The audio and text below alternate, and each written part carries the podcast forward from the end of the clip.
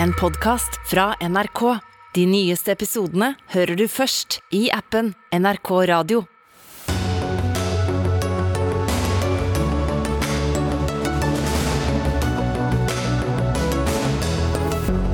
Forsvaret lover opprydning etter gjentatte historier om seksuelt press. Det blir mange ord og lite handling, sier en kaptein i Garden. En omstridt ME-studie har fått endelig godkjenning, men internt i den etiske komiteen som ga grønt lys, er det fortsatt bekymring over prosjektet. Mange flere nordmenn enn andre tviler på klimavitenskapen. Oljeproduksjonen og det høye forbruket vårt er nok en del av forklaringen, tror forsker. Og Gravlegging er gratis, men kremasjoner kan koste tusener. Nå må disse likestilles, mener Kirkens arbeidsgiverorganisasjon. Velkommen til Dagsnytt 18 på NRK P2 og NRK2, hvor vi selvsagt også kommer til å informere om det hvis det skjer en utvikling i forhandlingene mellom partene i SAS. I studio denne fredagskvelden, Sigrid Solund. Fem kvinner som ble utsatt for seksuelt press fra en offiser. En annen som ble presset av sjefen sin til å lyve for politiet. Varslene i Forsvaret har vært mange den siste tiden, og alvorlige. Men varslere mener sakene deres ikke ble godt nok håndtert. Og på NRK Ytring kan vi lese at det er forstemmende, eller skremmende, at forsvarssjefen er langt mer opptatt av å snakke om verdiene sine enn av å faktisk ta affære. Dette sitatet er ditt, Simen Berge Størkersen. Du er kaptein og kompanisjef i Hans Majestet Kongens Garde. Hva mener du med at det virker som det er mer prat enn handling? Mitt hovedpoeng er at uh, Forsvarets uh, verdier, kjerneverdier, sånn som de er formulert og nedtegnet på papiret, fremstår som veldig gode. Uh, men det oppleves som et sprik mellom hva man sier at man skal gjøre, og hva man gjør i praksis. Og Da sikter jeg spesielt til sanksjoner eller adekvate konsekvenser ved uønsket atferd. Og da f.eks. seksuell trakassering, som eh, du viser til, eller maktmisbruk eller eh, andre typer eh, uønsket atferd i sektoren. Ja, hvordan vil du beskrive de sanksjonene som har vært? I min kronikk som jeg skrev i går, så henviser jeg jo til én sak som NRK publiserte for et par uker siden, hvor det er en bataljonssjef som etter sigende skal ha seksuelt trakassert sine underordnede over tid. Og den, den eh, reaksjonen som Forsvaret kommer med, er jo da en, en skriftlig advarsel. Uh, sjef Forsvarsstaben, Elisabeth Nattvik, uh, uttalte jo først at det var en ganske streng reaksjon, men det er vanskelig for meg å, å se at det skal være strengt når man har uh, også andre virkemidler å ta i bruk. Og så vet jeg at noen ofte snakker om at Eh, ja, hvorfor får ikke vedkommende sparken? Er ikke dette grunn til avskjedigelse? Og så vil andre svare at det er jo ikke sånn at man kan sparke noen så fort noen gjør noe galt. Men akkurat det svaret er jo en veldig svart-hvitt fremstilling, mener jeg. Fordi det er ganske mange virkemidler du kan ta i bruk som ligger mellom å gjøre ingenting og det å sparke noen. Men en sånn skriftlig advarsel, hva ligger i det egentlig? Nei, det er vel sikkert en prat med sin nærmeste sjef, hvor man blir enige om at man skal se opphør av denne atferden, mm. eller at man skal se en synlig forbedring innen en gitt frist. Og så Og så slettes det. Og så slettes det. Ja. Så dette er jo ikke noe som loggføres i systemet, og ved bytte av sjef eller bytte av stilling, så er det ikke noe automatikk i at denne advarselen følger deg videre. Mm. Til forskjell fra f.eks. For refs, som er eh, et annet virkemiddel som man kan ta i bruk. Kristine Solhaug, du er oversersjant i Hæren og var en av de første varslerne som sto fram i mediene. Du har også vært på flyttefot i hele dag, for du så deg faktisk nødt til å flytte fra Bardufoss, hvor du jobbet i elleve år etter at du nå varslet. Fortell litt litt om hva som skjedde med deg. Um, ja, kort fortalt så uh, hadde jeg en uh, sjef som uh, kjørte i fylla. Og ble jo oppdaga Eller bilen var jo i grøfta, og politiet møtte jo på døra hans, og da begynte han jo å lyve. Og ringte jo meg på kvelden for å be meg si at jeg skulle lyve til politiet om at han ikke hadde drukket kvelden før. Det er på en måte kortversjonen i det. Og, og la mye press på deg? Ja, møtte jo hjemme på, på døra mi og eh, hadde jo dette som et tema på, eh, på jobb når jeg var alene på kontoret. Blant annet. Hvordan opplevde du den varslingsprosessen og de konsekvensene det fikk?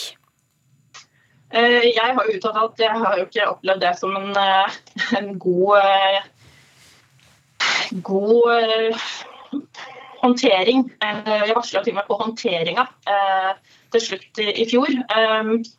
Jeg personlig ser jo ikke noen konsekvens, fordi han ble jo flytta opp i en høyere stab. Som jeg har blitt fortalt etterpå, var jo på en måte et tiltak for å, å, skille oss. da. Men utad så ser, eh, ser, ikke det bra ut uh, når du får på en måte et slags opprykk. Da. Um, ja. Mm. Hva, hva, forteller det deg, Størkersen, denne, denne historien blant mange? Nei, det er jo at det er øh, vanskelig kanskje da, å komme med strenge, strenge reaksjoner. Uh, og noe av problemet her er jo at i Forsvaret, som i veldig mange andre hierarkiske organisasjoner, la oss si Arbeiderpartiet, så for å nå til topps, så er du nødt til å være lojal mot organisasjonen eller partiet over tid, og du er nødt til å jobbe sammen med de samme folkene over veldig mange år, som gjør at de som sitter på toppen eller på et visst nivå, kjenner hverandre godt, både som kollegaer og ofte også som venner. Mm.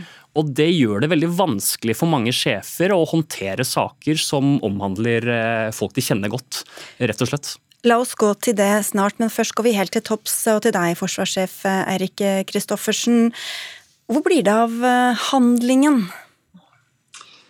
Nei, er, Vi har jo iverksatt noen handlinger. Altså, det er jo eh, det å gjennomgå eh, hele systemet med varsling, kan du si, håndtering av varsler, informasjon til de det blir varsla på, hvilke konsekvenser kritikkverdige forhold får. og og hvordan det følges opp i ettertid, er en viktig handling. Og jeg er opptatt av at dette skal være et godt system, fordi at i prinsippet så løses alle sånne varslingssaker best lokalt. Og så eh, er det forskjellige lag i Forsvaret før det på en måte når til forsvarssjefen og, og den internrevisjonen her. Og Noen av de sakene vi har sett nå, har vært alvorlige saker som, som burde vært hos forsvarssjefen tidligere. og Det er også ting vi ser på. da. Så, så handlinga går jo nå på konkret på, på både å få en gjennomgang av systemet, sånn at vi får en kvalitetssikring av at vi har et godt system. Uh, og, så ser vi allerede at vi er, vi er for dårlige på, på, å informere varslerne underveis. Det tar vi kritikk på.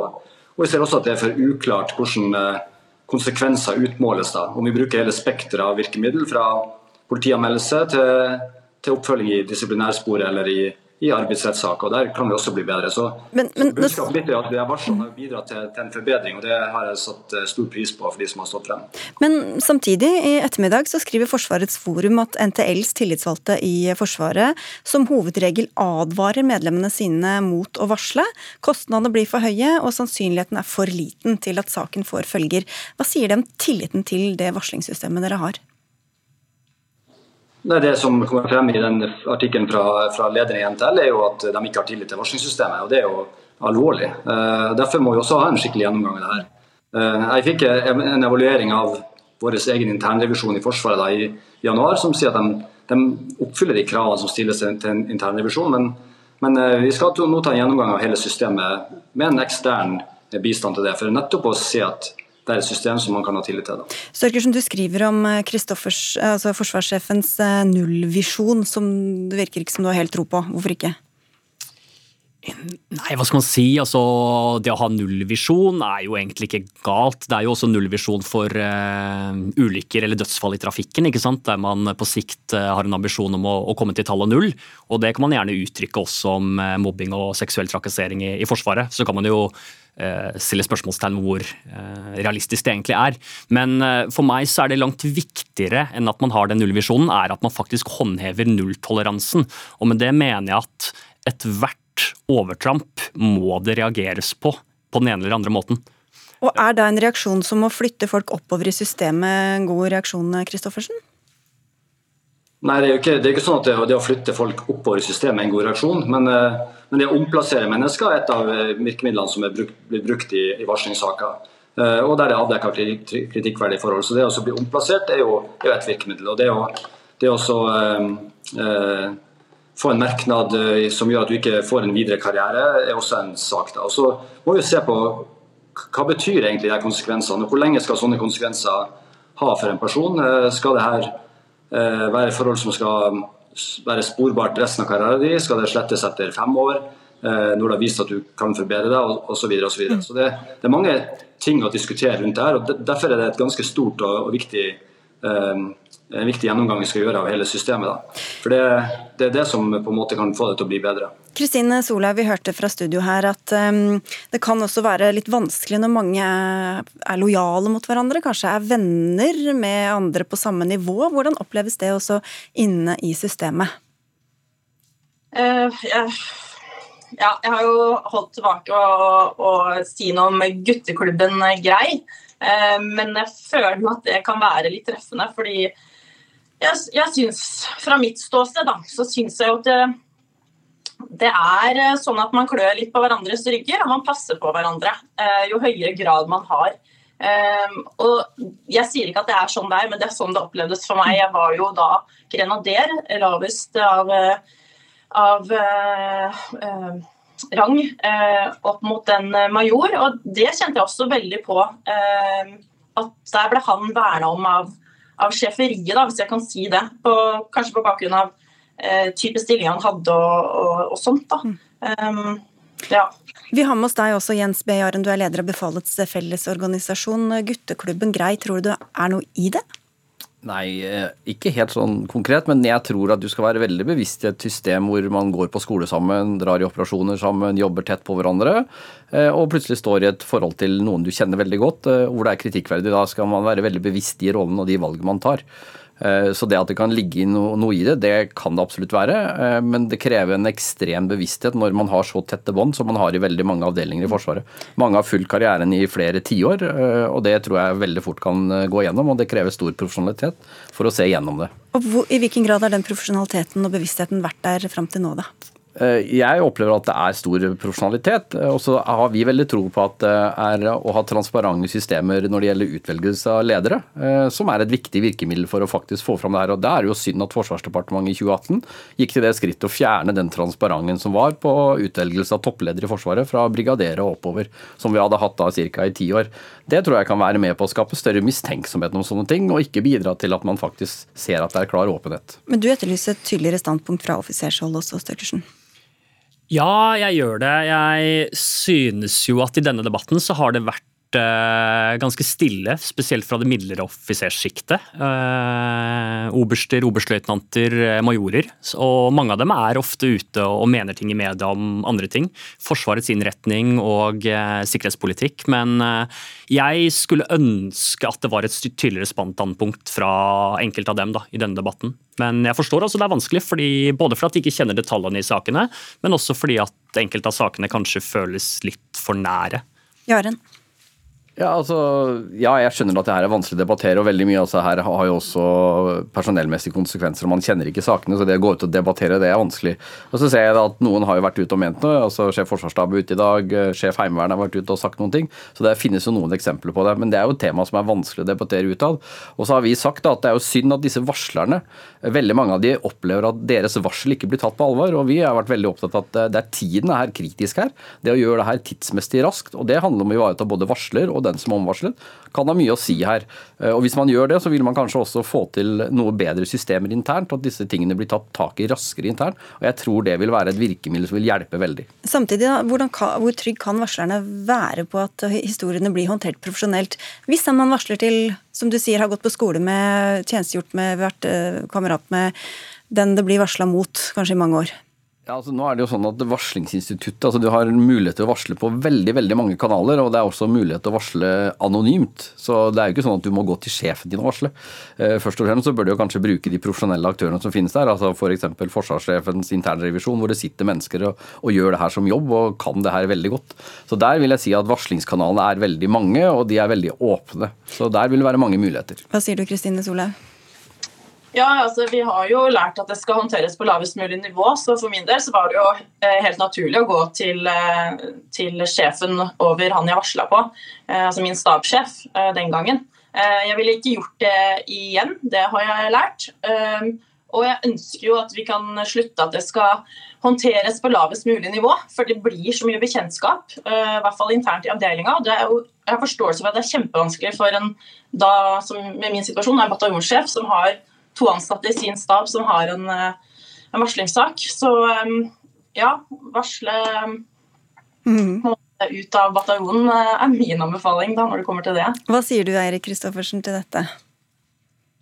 Nei, jeg, jeg, får jo trua når jeg hører Kristine og, og Simen snakke. Altså de, de, snakker, de, snakker om de samme viktige tingene. At det her handler om verdier og, og troverdighet og tillit.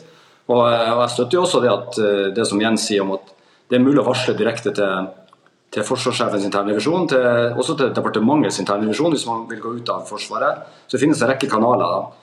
Eh, men, men, men, er det så lett Men det er jo et system hvor man skal være lojal, og du skal eh, på en måte ikke gå imot systemet. Hvor lett er det å liksom braute seg oppover på den måten, tror du?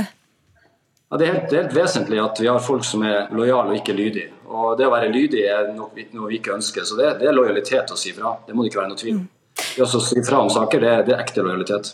Du sa jo i stad at det var kanskje flere av sakene som burde ha kommet helt opp til forsvarssjefen.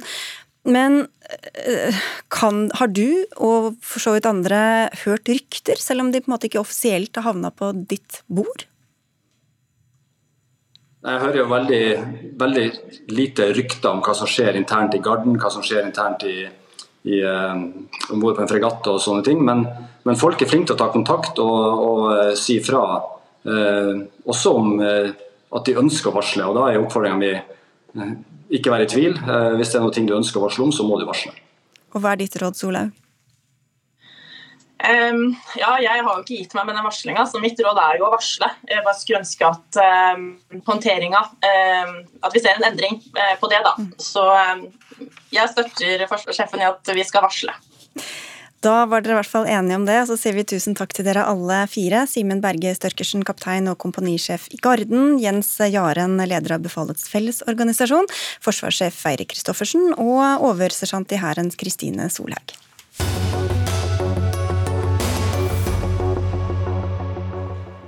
Det norske veisystemet binder Norge sammen fra nord til sør og øst til vest, men de forskjellige strekningene er i ganske ulik forfatning. Det er stort behov for vedlikehold, men dette blir hele tiden nedprioritert, skriver du i en kronikk på NRK Ytring, Julie Bråttkorp. Du er administrerende direktør i Maskinentreprenørenes forbund. Hvor alvorlig vil du si at tilstanden er på norske veier nå? Det er svært alvorlig, og det er spesielt eh, alvorlig nå i år. Eh, for hver høst når man legger statsbudsjettet, eh, så beregnes det hva må det brukes for å vedlikeholde veisystemet vi har i dette landet. Det ble i fjor høst beregnet til 4 milliarder. Så ble det bevilget 3,2 og det var før krigen i Ukraina eh, kom og prisene på alle innsatsfaktorer som man trenger i å drive vedlikehold har steget eh, enormt. Så det betyr at i år så er det veldig mye veivedlikehold som vi er vant til at gjøres, som ikke blir gjort. Det er en minus på det budsjettet. Eh, på 3,2 eh, milliarder med altså 600 millioner. Det er jo helt vanlig kutyme at en regjering eh, da justerer det i revidert statsbudsjett. Aktiviteten legges i statsbudsjettet, og så reviderer man bevilgningene hvis det er slike prisøkninger. Og I dette tilfellet i år så svarte regjeringen med å kutte 50 millioner. Så her trengs det flere oppdrag for dine medlemsbedrifter? Ja, det trengs, eh, trengs, flere oppdrag, men da kunne vi også ha ropt høyt om at det nå skal eh, kuttes i å bygge nye veier og store prosjekter.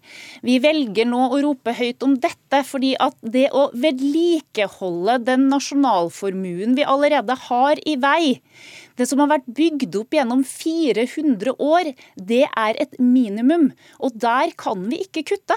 For dette er et land hvor vi er ikke så mange månedene til at vi skal eksempelvis begynne å brøyte.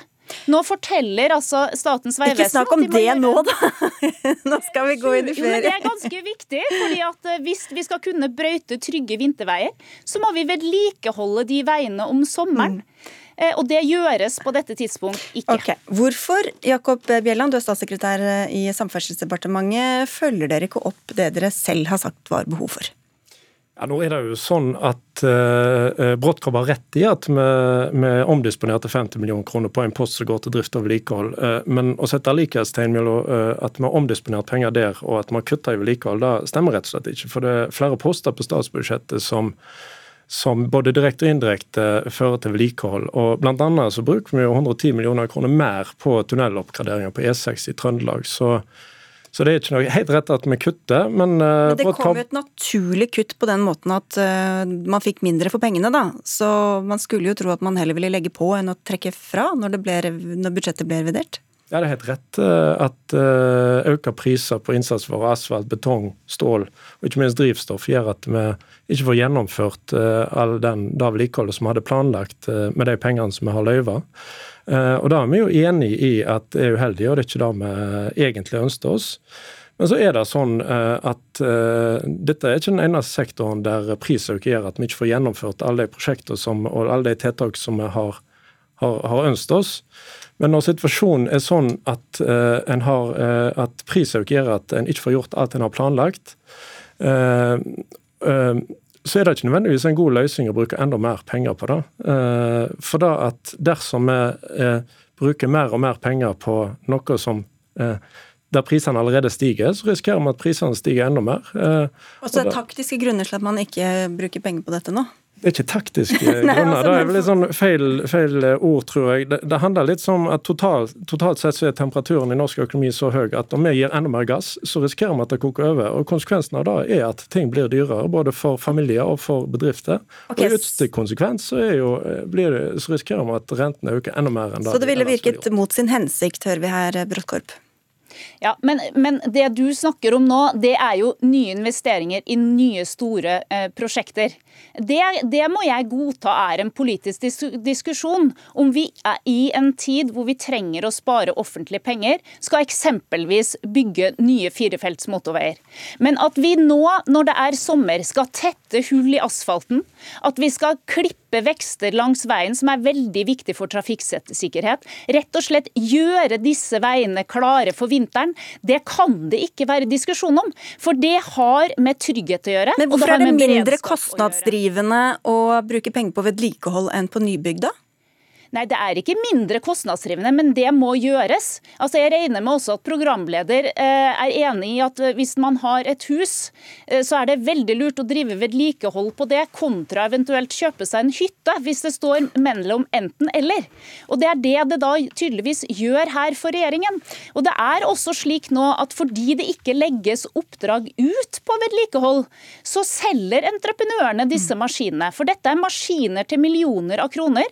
Og nå har har vi ikke fått noe støtte av denne regjeringen i den krisen vi har stått i siden 24.2. Og det betyr at de selger unna disse maskinene når de nå mm. ser at brøytekontraktene, vei- og vedlikeholdskontraktene legges ut med priser som gjør at de må jobbe med tap. Og jeg regner med statssekretæren skjønner at entreprenører kan ikke fortsette å jobbe gratis for Statens vegvesen. Bjelland. Ja, altså, eh, jeg tror vi må ha med oss litt forhistorien her. For den posten som Bråttkorp viser til, den har økt med 1,9 milliarder fra opp til 8,3 milliarder i år. Altså en øke på 30 de to siste åra. Eh, og selv om kostnadsøkningen eter opp en del av den veksten, så er, er nok det reelt sånn at en bruker mer penger på vedlikehold enn det vi gjorde for et par år siden. Så situasjonen er nok ikke så ramstvert som det blir fremstilt her. Men samtidig så har jeg lyst til å si at vi setter pris på at Brottkorb og de hun representerer, løfter denne debatten. For vedlikehold og ta vare på det vi har, er ekstremt viktig. Ja, for de som nevnte sammenligningen med huset her, alle som eier noe, vet jo at det er billigere å ta det vedlikeholdet underveis enn å vente og ta det når alt er forfalt. Ja, og da er vi helt enige. og Derfor så har vi i regjeringsplattformen sagt at vi skal lage en forpliktende plan for å, å redusere vedlikeholdsetterslepet både på riksveier, men òg kanskje spesielt på fylkesveier der utfordringen er aller størst. Men så er, jo, er det jo sånn at når vi møter aktører i bransjen, så jobber de aller, aller fleste for å sette i gang investeringsprosjekt. Det er veldig få som, kommer og slåss for vedlikehold. og Da, da syns vi er veldig bra at eh, og hennes folk gjør det. Og vi er interessert i å ha en dialog med dem videre eh, fram mot statsbudsjett for neste år. Bråttkorb, det var en gang du også måtte tenke på andre typer prioriteringer enn det du trenger å tenke på nå, men allikevel, da. Det er eh, store prisøkninger hele, over hele linja. Det er penger til flyktninger og forsvar. Hvor skal pengene tas fra? Det, er det jeg sier. Jeg skjønner det er en politisk prioritering hvor man nå må kutte. Og at vi, at vi må kutte i offentlig pengebruk eh, for å passe på eh, bl.a. Eh, renten og kunne utføre de forpliktelser vi har, all den tid Europa er, er en krig, det skjønner vi. Men vi får også enormt store kutt på alt annet av nye investeringer. Her snakker vi om vedlikehold. og Det det høres ut som statssekretæren ikke forstår, er at disse entreprenørene selger nå unna disse maskinene. Jeg er sterkt bekymra for beredskapen i dette landet til vinteren når det gjelder sprøyting. Nå legges det ut kontrakter som mm. ingen vil regne på, fordi at prisen er for lav. Okay, og Den beredskapen er vi helt avhengig av i et langstrakt land. Ok, Fem sekunder på den beredskapen, Bjelland. Nei, eh, altså eh, det blir snakk om kutt. Vi bruker 80 milliarder okay, på samferdsel. Du var ikke like bekymra for det, skjønner. Ok, Takk skal du ha, Jakob Bjelland, statssekretær i Samferdselsdepartementet, og Julie Bråttkorp, som er administrerende direktør i Maskinentreprenørenes forbund.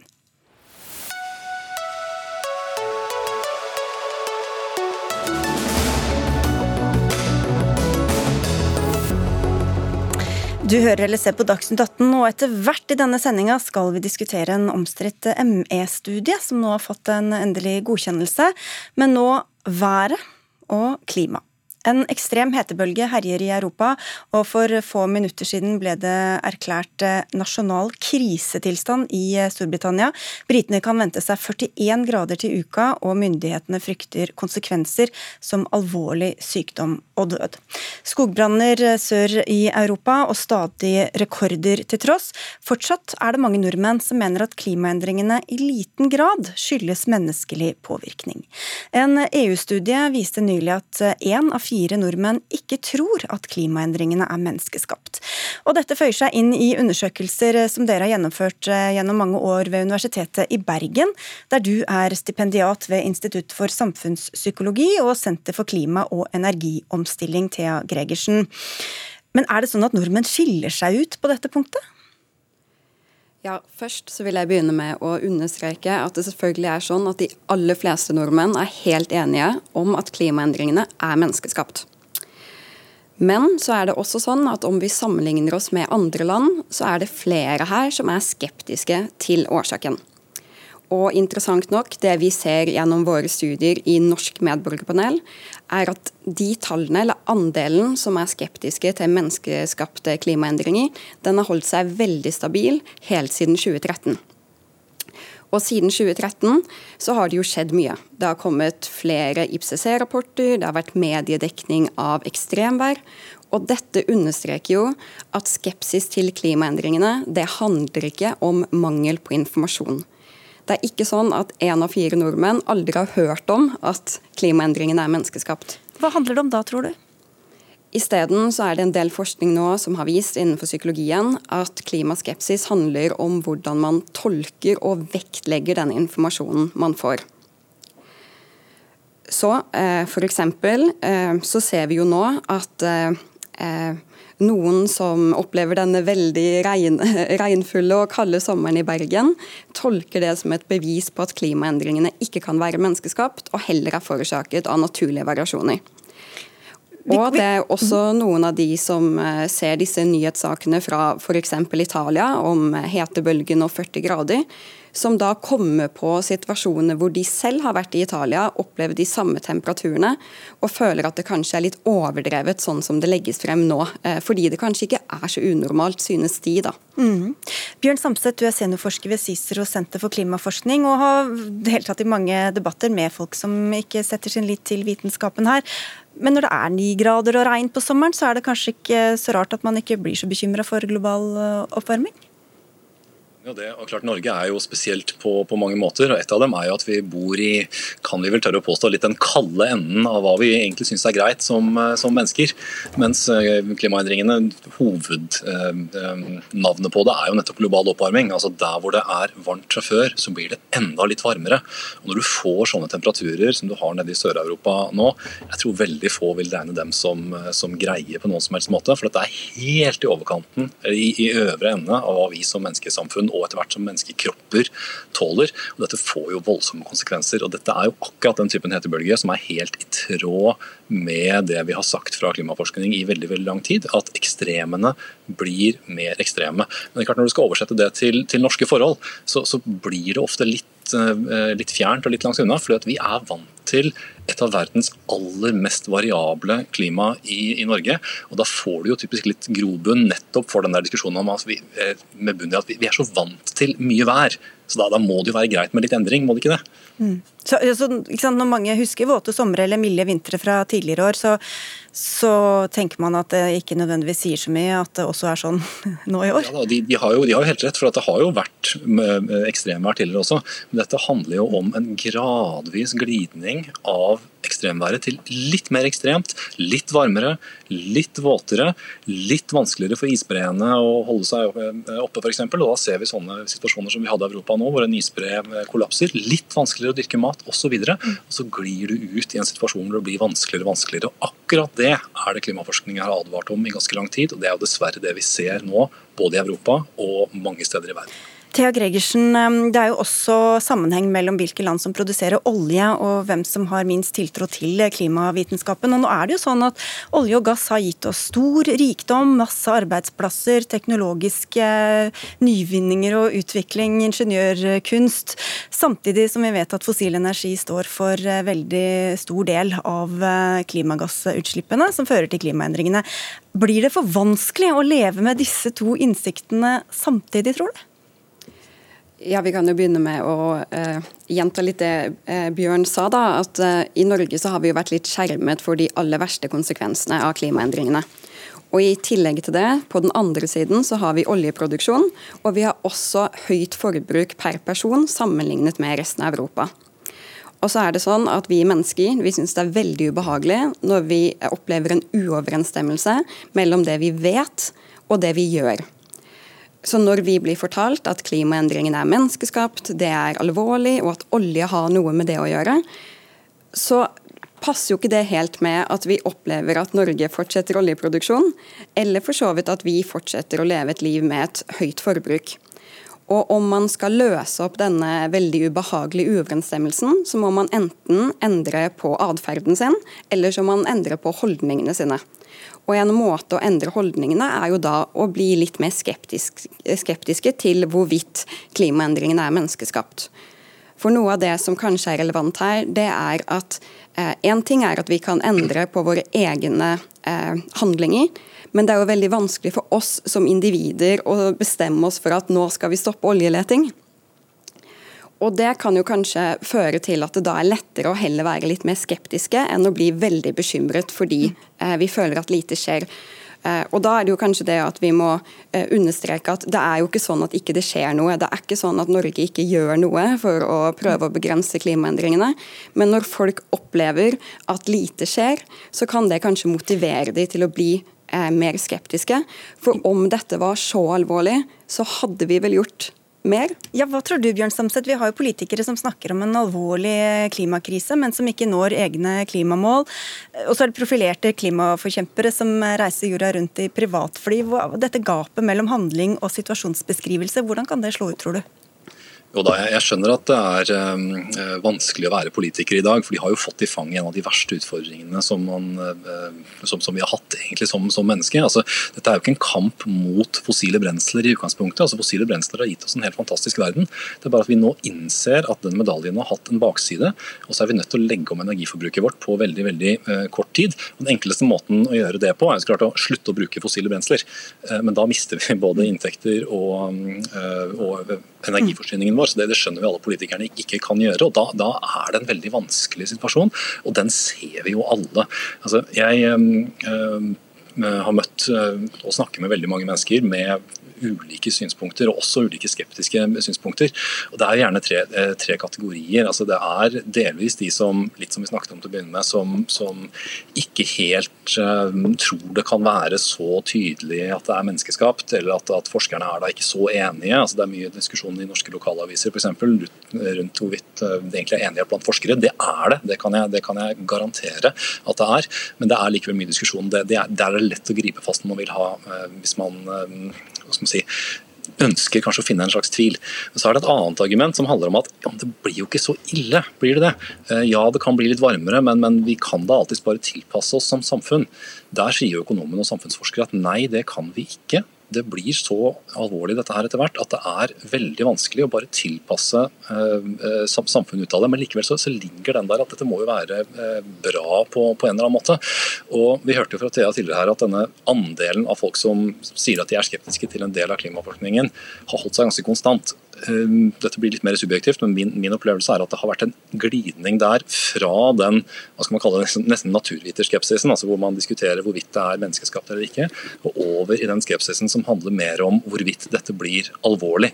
Som kanskje er en litt enklere diskusjon å ha i dag, når man tross alt vet så godt som vi gjør hvor alvorlig dette egentlig er. Og så er det mange som tror at, dette har, at det er noen som, eller mange som har økonomiske interesser i å hausse opp eh, klimatrusselen.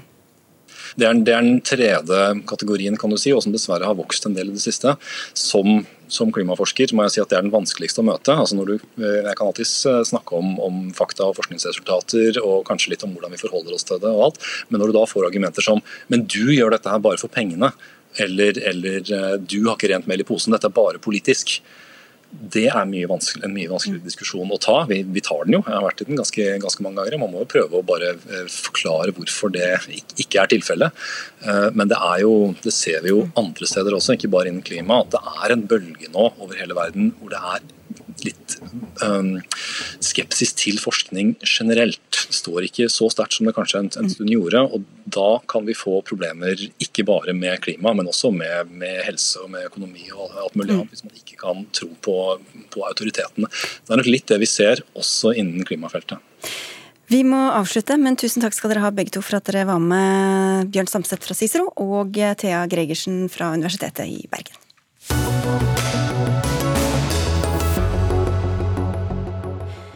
Norske kirkegårder er i ferd med å fylles opp, og da kan jo kremasjon virke lurt. Men kistegravlegging er mens kistegravlegging er gratis, kan kremasjonsavgiften komme på over 6000 kroner i enkelte kommuner, det skriver Vårt Land. Og denne skjevheten må det gjøres noe med, mener du Trygve Jorheim, du er kommunikasjonsdirektør i Arbeidsgiverorganisasjonen for kirkelige virksomheter. Hvorfor det? Fordi at uh, dette er et paradoks. Uh, det koster uh, som du sier, ingenting å bli gravlagt eller for de pårørende da, i en kiste. Det er en ganske dyr affære for samfunnet. for det, det å opparbeide kistegravplasser det, det koster anslagsvis 15 000-20 000 per grav. Mens en urne, som da man har betalt for å, å skaffe til veie da, gjennom denne kombinasjonsavgiften i de fleste kommuner, den setter man ned gjerne oppå en kistegrav eller på et mye mindre areale som heller ikke trengs å opparbeides på samme måte fordi at det ikke krever de samme nedbrytningsegenskapene i jorda. Så, så, Det er veldig dårlig samfunnsøkonomi å ha et lovverk som gir insentiver til å velge kistegravlegging. Vi mener jo at det bør være eh, helt likestilt, slik at folk kan velge selv, men, men det er altså veldig dårlig dårlig bruk av samfunnets totale ressurser når man lager, har et lovverk som, som gjør det eh, mer naturlig å velge kistegravlegging. Ja, Rune Støstad, du sitter i kommunal- og forvaltningskomiteen på Stortinget for Arbeiderpartiet. Hvorfor skal man gjøre det mer attraktivt å velge kistegravlegging når det er det minst samfunnsøkonomiske? Jeg vet ikke om, men, eh, om, eh, om, det er riktig å si det på den måten. Altså, jeg, jeg, skjønner jo godt at enkelte kan synes at dette her er urettferdig. og Dette her er en vanskelig situasjon for mange, og spesielt eh, de etterlatte. For oss i Arbeiderpartiet så er det viktig at vi skal legge til rette for at alle kan få ha den begravelsen de ønsker, uavhengig av skillingboka. Dette her er kommunens sitt ansvar, og da handler det om kommuneøkonomi. Og Fra Stortingets side så kan vi da eh, sørge for en bedre kommuneøkonomi. Det har denne regjeringa gjort. Eh, med 4,5 milliarder i vekst i frie inntekter, kontra 2,5 som førre regjering la opp til. Så, så dette er det opp til kommunene. Men hvorfor skal det være det egentlig, når det står i loven at kistegravlegging skal være gratis, men ikke at kremasjon skal være det? Nei, altså det er, eh, altså Som jeg sier, jeg forstår at, at enkelte kan oppfatte det som, som urettferdig. Samtidig så syns jeg at en skal se på den totale prisen. da. Fordi at eh, eh Jeg kan bruke meg sjøl og eh, eh, familien min som et eksempel. Eh, en begravelse med kremasjon eh, ble kostende nesten 50 000 kroner. 50 000 kroner. I gjennomsnitt så koster kremasjonsavgifta 2500. Så det betyr at Selve avgifta på kremasjon er jo ikke den som er avgjørende. Eh, men den totale prisen mener jeg er altfor høy, og at det er det vi må ha fokus på og få gjort noe med. Jo, men Det kan jo koste over denne gjennomsnittsprisen. Og fortsatt er spørsmålet hvorfor skal det prinsipielt stå i loven at det ene skal være gratis, men ikke at det andre skal være gratis? Nei, dette her, jo, uh, dette her er jo uh, en diskusjon som, som har vært uh, der det har vært et samla storting bak. ja, men dere, Har dere kommet fram til noe svar på det etter den diskusjonen, eller? Nei, men altså, dette her er jo, det, jeg mener at dette her, er, dette her løser kommunene. og Når, når en her prater om plassmangel, så er dette her kommunene som er de beste til å, til å, til å, til å finne fram til løsninger som, som, gjør det best for, for den enkelte kommune. Jorheim, hvorfor skal ikke kommunene bestemme dette selv? Jo, eh, Vi er veldig for at kommunene bestemmer selv. og Vi vil jo oppfordre alle kommuner til å, til å droppe den avgiften helt. fordi at eh, Det vil eh, medføre et lite inntektsbortfall eller noen flere utgifter på kort sikt. Men man vil da spare på lang sikt masse penger på at man slipper å anlegge eller utvide gravplasser. Så Sånn sett så er ikke den loven det viktigste. og det er sånn at Tre av fire kommuner i dag har kremasjonsavgift. og Den siste fjerdedelen har da valgt å ikke ha det. og Det tror vi da som sagt er veldig lurt. fordi at da, da, får man opp eh, kremasjonsprosenten. Den er nå på 46 eh, på landsbasis, men det varierer veldig fra, fra, kommune til kommune og fra landsdel til landsdel. egentlig. Det er store kulturelle forskjeller på dette her. Så, så for all del, vi oppfordrer bare kommunene til å ta grep selv her, men det ville være veldig greit hvis, hvis lovverket også ikke ga insentiver til å velge noe som da er dyrere. Og Det legger også beslag på masse matjord. Kirkene står gjerne på gammel gårdsgrunn, og det som ligger rundt som man da tar, det er det er ofte matjord, eh, som vi jo har eh, gjerne i det siste også blitt veldig oppmerksom på at vi skal ta ekstra godt vare på. Så, så det er veldig mange gode grunner til å stryke den setningen i gravplasslovens paragraf 10, hvor det står at man kan kreve eh, avgift for, for kremasjon. Du viser til kommunene, Støstad, men rikspolitikerne, storting og regjering fikk jo en offentlig utredning i 2014 som slår fast at kremasjon og gravlegging er et offentlig ansvar og skal være uten kostnad for de etterlatne. Så hvorfor, igjen, står det ene i loven og ikke det andre? Nei, det, det, altså, det, det, blir jo feil å si at vi ikke har gjort noe med problemet når det gjelder plassmangel. fordi at Senest nå før sommeren så ja, Var ikke det jeg spurte om, det? Jo, jo, men ja, men jeg bare skjønner ikke hvorfor det skal være en lov for det ene og ikke for det andre. Nei, altså det, det, er noe, det, er da. Eh, og det har ikke vært noe politisk vilje til å gjøre noe endring på det. Eh, men, du kan, men dette, du kan jo se du skjønner på, at, at, dette høres ut som litt rare svar, eller? Ja, men Du kan se på hva har kommunene gjort. Da. Her i Kristiansand så har, har den eget krematorium. Her er det gratis. Her er avgifta gratis. Eh, Hamar kommune i mitt eget fylke, der har Arbeiderpartiet tatt til orde for et eget krematorium for å få ned avgifta, men der har de ikke fått flertall. Så her er det eh, mitt poeng, da, eh, selv om det er et rart svar, er at her er det kommunen, kommunen som er de beste til å, til å, forvalte dette, her, til å styre dette her, og sørge for at uh, alle kan få ja, en verdig grav. Da kan dere fjerne det ene fra loven, da. Da kan dere heller altså, ikke ha at grav, eh, kistegraver skal være gratis? Ja, Nå var det et enstemmig eh, storting rett før sommeren som endra gravplasslova, og slik at det nå åpnes for å se på alternative, eh, alternative metoder, alternativ, og bruke ny teknologi for å, for å, gjøre, eh, for å, for å gjøre, noe med, med, med, plassmangelen. Men det er også sånn at noen religioner har spesifikke krav til gravferd og seremonier. Det er ikke alle som bare velger helt fritt. I hinduismen f.eks. så skal man kremeres. Så hvorfor skal da livssynene også forskjellsbehandles på denne måten? Altså jeg, som jeg sier, jeg skjønner at enkelte kan føle at det er urettferdig, men jeg tror at det er den totale prisen som er problemet her. Når du må betale så mye som 40 000 kroner, så mener jeg at da skal oss som politikere eh, se på det først og fremst. Den, den kremasjonsavgifta blir jo en liten andel av dette her. Det er en, en liten, liten, del av eh, hele totalregninga, Jurheim.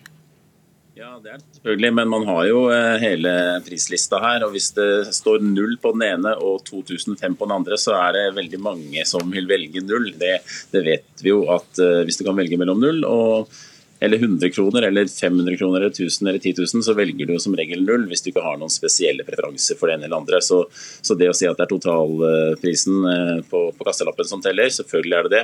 Men uh, man må jo se på alle, alle komponentene i den. Så det syns jeg er et litt, uh, litt sidespor her. Ok, Det virket ikke som det ble noe snarlig endring av dette. Takk skal dere ha uansett, begge to. Trygve Jorheim, kommunikasjonsdirektør i Arbeidsgiverorganisasjonen for kirkelige virksomheter. Og tusen takk til deg, Rune Støstad fra Arbeiderpartiet på Stortinget.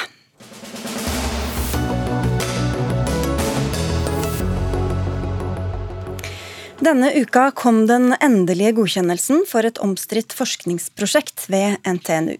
Studien eh, skal vurdere effekten som ME-pasienter kan få av behandlingsmetoden Lightning Process, som er et kurs som skal gi eh, deltakerne verktøy til å snu tankemønstre og lære seg til å bli friske, bl.a. Men ME-foreningen har klaget på godkjenningen, og eh, gjennom flere runder har etiske komiteer gitt dem medhold. Nå fikk den altså likevel grønt lys fra dere i Den nasjonale forskningsetiske komité for medisin medisin og helsefag, NEM, og dermed kan man gå i gang. Og Du er medlem i NEM, Siri Forsmo. Du er professor i samfunnsmedisin også ved NTNU. Dere gikk altså fra nei til ja etter justeringer i prosjektet, men helt overordnet, hvorfor er denne studien så viktig at det var verdt å gå alle disse rundene?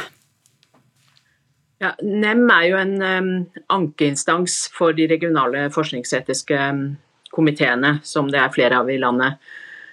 Ehm, vi hadde saken i fjor, eh, for ca. et år siden. Eh, da var den klaget inn av ME-foreninger, altså pasientforeninger. Eh, en godkjenning som var gitt av den regionale forskningsetiske komiteen. Og I fjor så sa NEM nei, fordi vi mente at det var forskningsetiske sider ved prosjektet som gjorde at vi ikke kunne godkjenne det. Så uh, har vi fått uh, saken på nytt i år, etter at den har vært um, i runde gjennom REC, da, en regional forskningsetisk komité. Og den er på nytt klaget inn av pasientforeninger. Altså godkjenningen er klaget inn, og vi har vurdert prosjektet på nytt. Det som har skjedd siden i fjor, er at prosjektet er endret. og mye av NEMs innsigelser i fjor er tatt høyde for. Og Derfor var det i år flertall i eh, NEM for å godkjenne dette prosjektet, som vi mener er veldig viktig. For det, vi trenger kunnskap om eh, tilstanden og mm, forekomst, årsaker og behandling. Vi kan komme til noen av innvendingene og justeringene, men eh, som du sier, pasientforeninga selv har klaget inn. Det er ganske uvanlig. Hva sier det deg? Ja, Det er ikke vanlig at pasient, eh, pasientene som det skal forskes på, klager. Og Det sier jo uh, både oss i komiteen og, og, meg, som du spør, at dette er et kontroversielt uh, felt. Vi vet lite om sykdommen. Pasient, i hvert fall Enkelte pasientforeninger her har bestemte meninger om hva som forårsaker sykdommen og tilsvarende meninger om hva det ikke skyldes. Mm. Og jeg tror vel det er noe av kontroversene. Og den behandlingen som forskningsprosjektet skulle studere, um, ja, mm. er de imot. Men uh, komiteen mener allikevel at det er viktig å forske på tilstanden, for dette er et uh, stort helseproblem for uh, de som rammes, og vi trenger kunnskap. Du tilhører et solid flertall i komiteen som stemte for godkjenningen, men tre personer var imot, eh, blant andre nestlederen og du, eh, Kari Milk Angledal, som er leder i NEM og overlege og førsteamanuensis ved Universitetet i Tromsø. Hvorfor mente dere tre at dette fortsatt ikke var godt nok? Ja, um, altså jeg må jo først si at, at vi er jo helt enig med, med oss er flertallet i, i NEM at vi trenger mer forskning på, på ME.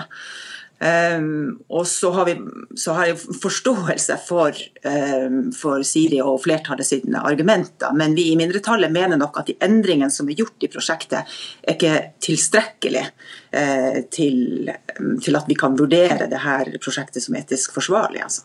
Ja, for helt sentralt i denne studien så står det en person som har drevet med Lightning Process-kurs i mange år. Så dette med næringsinteresser og interessekonflikter, blanding av roller her, har jo stått uh, sentralt. Hvorfor mener dere at det ikke er kvittert godt nok ut uh, fortsatt?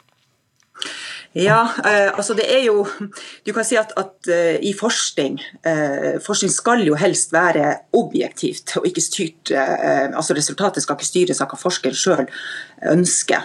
Og, og, Samtidig er det jo i mange prosjekter er det jo ikke uvanlig at forskere har egeninteresse, men i dette prosjektet så er det nokså eh, spesielt. Altså den personen som da er doktorgradskandidat og dermed mest involvert i prosjektet, har både næringsinteresse og en personlig interesse og også en rolle i offentligheten som, som gjør at, um, ja, at, at, hun har veldig uh, sterk tilknytning til hva, hva resultatene bør, bør, si av denne studien. Så det er vanskelig å ha tillit til resultatene. Og, og da må man si at da setter i hvert fall veldig store krav til metoden, og da mener vi at de justeringene som er gjort, er ikke gode nok til å sikre den tilliten uh, til, til forskningsprosjektet. Hvorfor vurderte dere det annerledes fra flertallets side, Forsmo? Nei, vi, Det er helt riktig at det er en interessekonflikt, og det har jo vært et tema både i fjor og i år. og Det er grundig diskutert i komiteen øh, øh, i flere møter.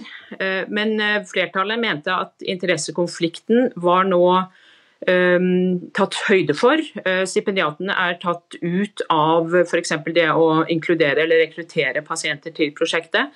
At det skal gjøres eh, på et mer objektivt eh, vis. Og at interessekonflikten da blir mindre. Men det er fortsatt en interessekonflikt, og det har vi jo stilt, vilkår om i godkjenningen, eller flertallets, flertallets syn her, da, at den interessekonflikten, næringsinteressene som er her, må det informeres om.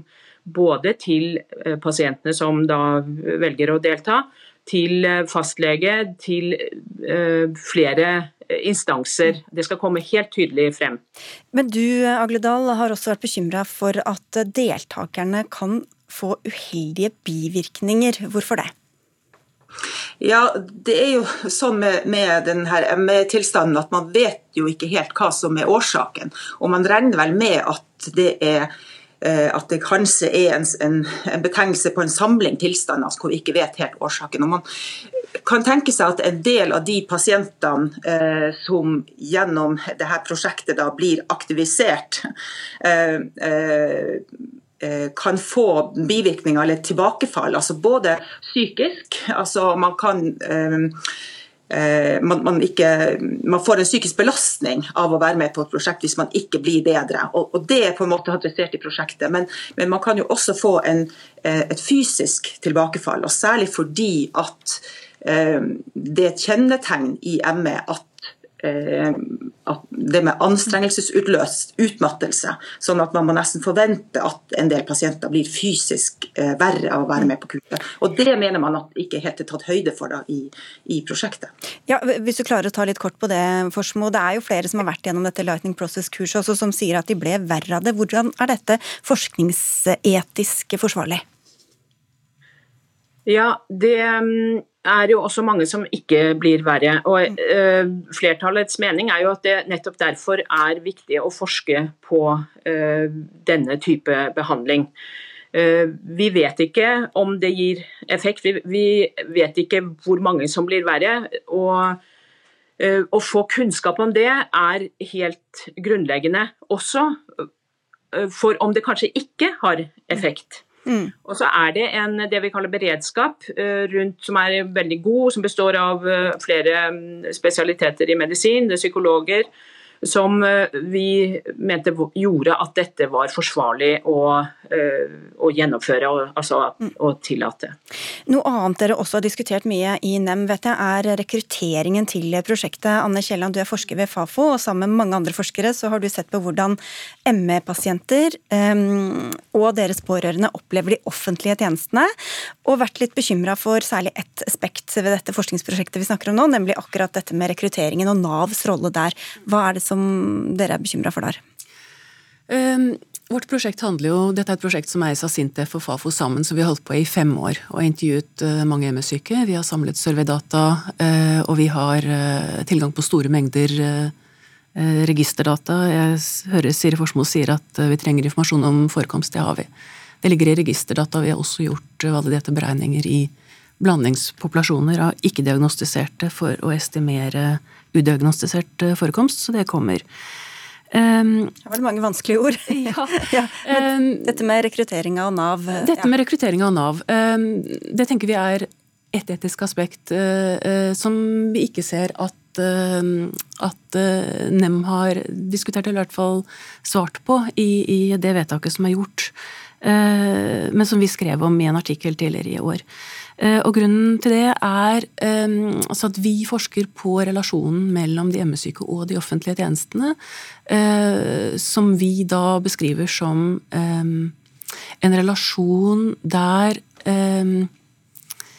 de forklaringsmodellene som de ME-syke møter hos helsetjenestene og i Nav, ikke ligner noe på den sykdommen de opplever at de lever med. Altså en avgrunn mellom de forklaringsmodellene som denne typen tiltak på en mm. måte øh, kommer ut av, og det de opplever som Jeg tror bare må forklare at disse, mm. dette studiet også skal um, Nav skal rekruttere pasienter, altså studie mm. uh, altså mennesker som skal være med i studiene. Og da frykter dere litt på hvor frivillig denne deltakelsen ja. faktisk blir?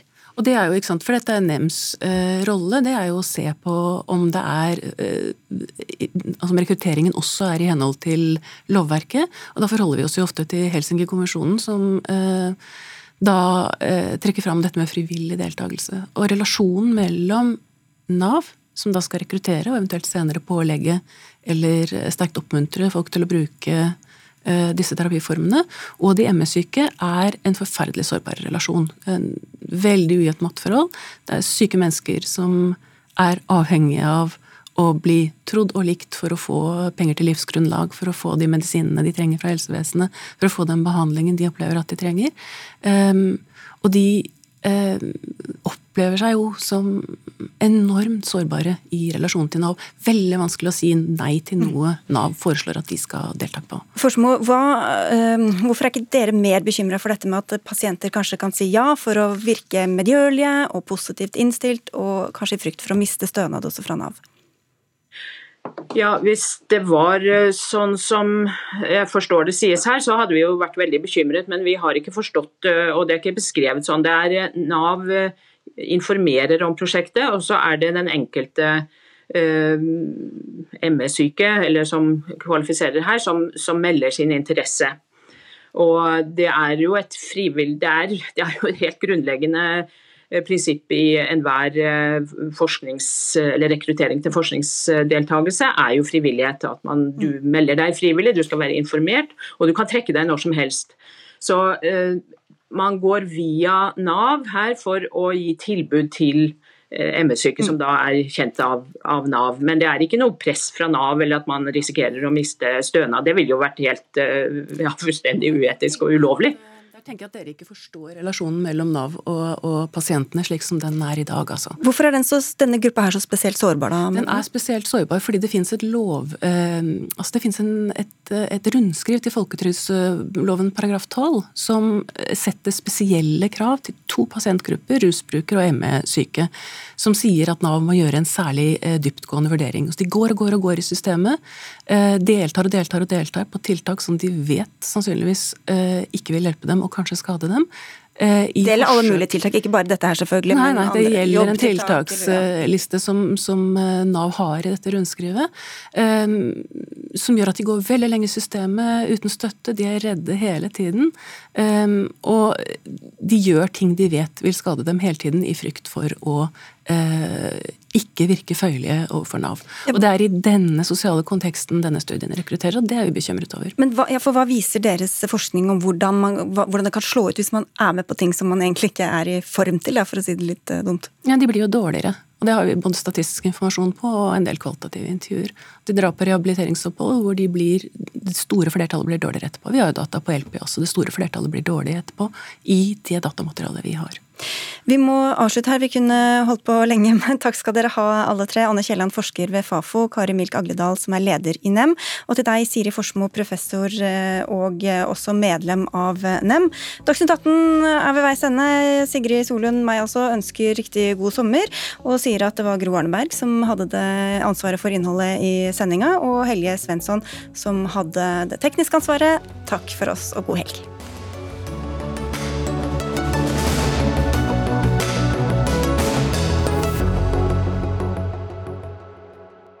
Du har hørt en podkast fra NRK. De nyeste episodene hører du først i appen NRK Radio.